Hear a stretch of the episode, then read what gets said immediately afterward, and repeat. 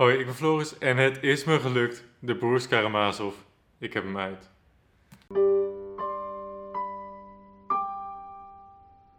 Mijn normale tempo is dus één boek per week. Dit boek, ik heb er vier weken over gedaan, terwijl ik vakantie had. Ik heb hem zo vaak weggelegd. Een andere moment heb ik in één keer 100 bladzijden gelezen. Dus zat ik er helemaal in. Wat een boek. Ik ga je vertellen wat ik ervan vond. Heel kort, het verhaal. Het gaat over één vader en drie broers. De vader, Karamazov, Fyodor Pavlovich Karamazov. Je hoeft eigenlijk alleen te weten dat hij de vader is en misschien de voornaam te onthouden. Heeft drie zoons. Dimitri, Ivan en Alexei. Deze drie zijn alle drie niet bij hem opgegroeid. En er zijn allerlei omstandigheden en alle drie de broers keren eigenlijk gelijktijdig terug naar hun vader. En dan ontwikkelt er een hele strijd tussen die broers en die vader. En dat is zo'n beetje het verhaal. Uiteindelijk gaat er ook nog iemand dood en is het een heel grote vraag: wie heeft het gedaan? Op dat moment wordt het boek ook nog daadwerkelijk spannend. Maar kijk, ik zou niet zeggen het is een spannend boek, want de eerste 600 bladzijden zijn totaal niet spannend. Daarna wordt het spannend, maar voor die tijd draait het om iets anders. Waar het om draait is God en religie. En constant stelt Dostoevsky eigenlijk de plaats van religie op het spel. Hij vraagt zich af van, oké, als God niet bestaat, zouden we hem dan niet moeten uitvinden? Als God niet bestaat, zou dan alles geoorloofd mogen zijn? Zou er dan gewoon een misdaad mogen plegen, omdat er geen hoger fundament is, waardoor dat verkeerd zou zijn? Dit soort vragen komen continu voor in het boek. Wat je bij heel veel andere schrijvers ziet, is als ze filosofische vragen stellen, als ze dat al doen, is dat ze in een pamfletmodus komen.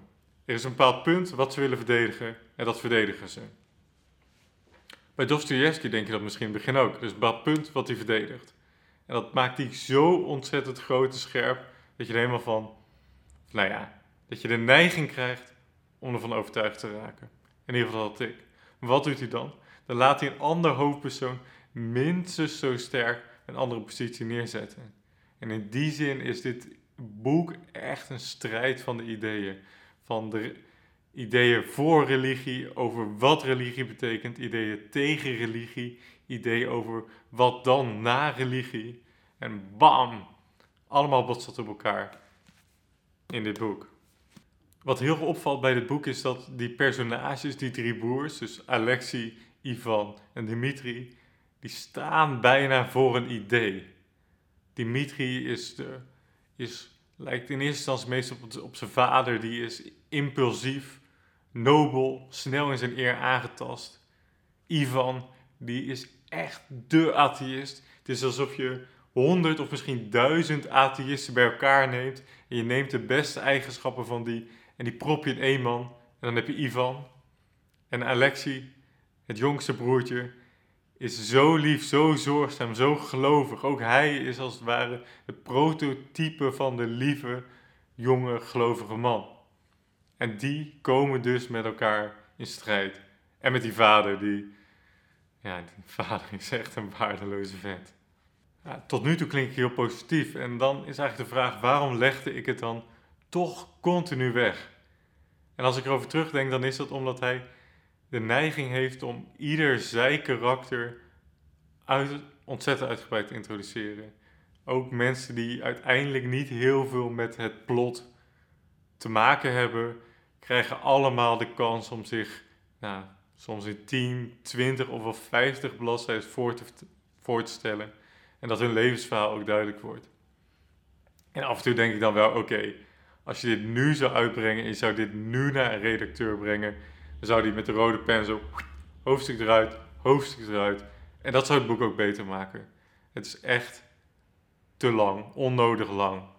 En dat was ook de reden dat ik een heleboel momenten stopte met lezen.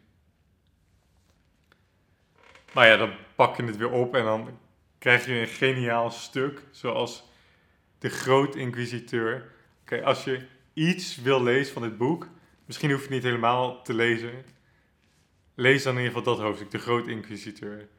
Ivan, de middelste broer, de atheïst, die schetst als het ware een verhaal dat hij in zijn hoofd heeft bedacht. Laten we het een gedachte-experiment noemen.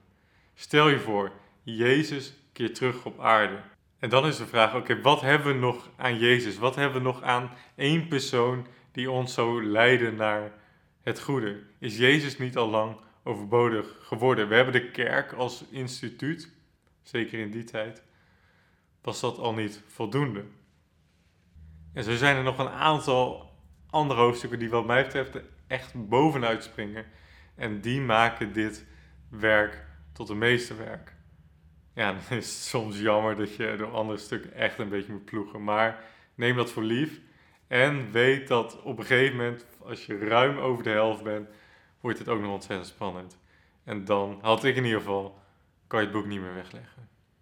Wat ik zelf ook nog wel interessant vind, is om het boek te vergelijken met een aantal andere boeken van Dostoevsky die ik heb gelezen.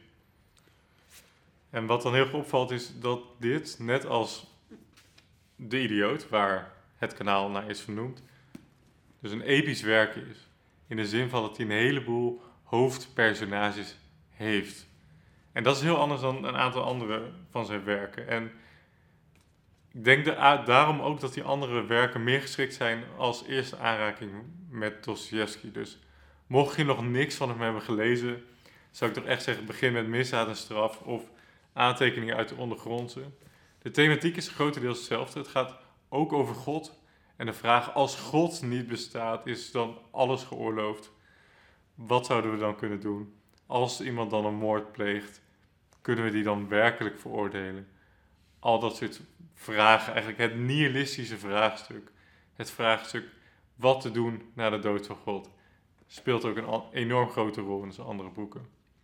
Alleen zijn die veel toegankelijker omdat die zich concentreren op één hoofdpersoon en daarmee veel meer een afgebakend verhaal hebben ten opzichte van de broers Karamazov. Dus als je mij vraagt, moet ik dit lezen? Ja, uiteindelijk wel. Maar begin dus met ander werk van Dostoevsky. En als je er dan eenmaal aan toe komt en je begint een beetje in te raken, lees dan ook door. De neiging zal af en toe groot zijn om het weg te leggen en vooral om het niet opnieuw op te pakken, maar doe het wel. Het is het absoluut waard. Ben je er nou ook ooit aan begonnen? Ik ben heel erg benieuwd of je het hebt uitgelezen en zo ja, waarom en wat je aansprak in het boek en zo nee, wat uiteindelijk de reden was om het weg te leggen. Want ik vermoed dat dit een boek is wat heel veel mensen beginnen of zelfs aanraden aan andere mensen, maar dat er niet eens zoveel mensen zijn die het zelf ook hebben uitgelezen. Dus ik hoor graag wat je van het boek vindt.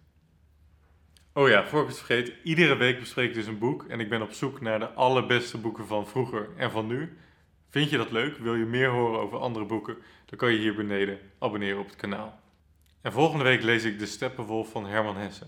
Thomas Mann, een van de grootste Duitse schrijvers, schreef over dit boek het volgende.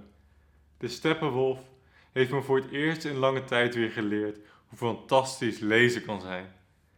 Nou, als dat geen belofte is, dan weet ik het ook niet. Ik ga het lezen en volgende week hoor je van mij hoe het is.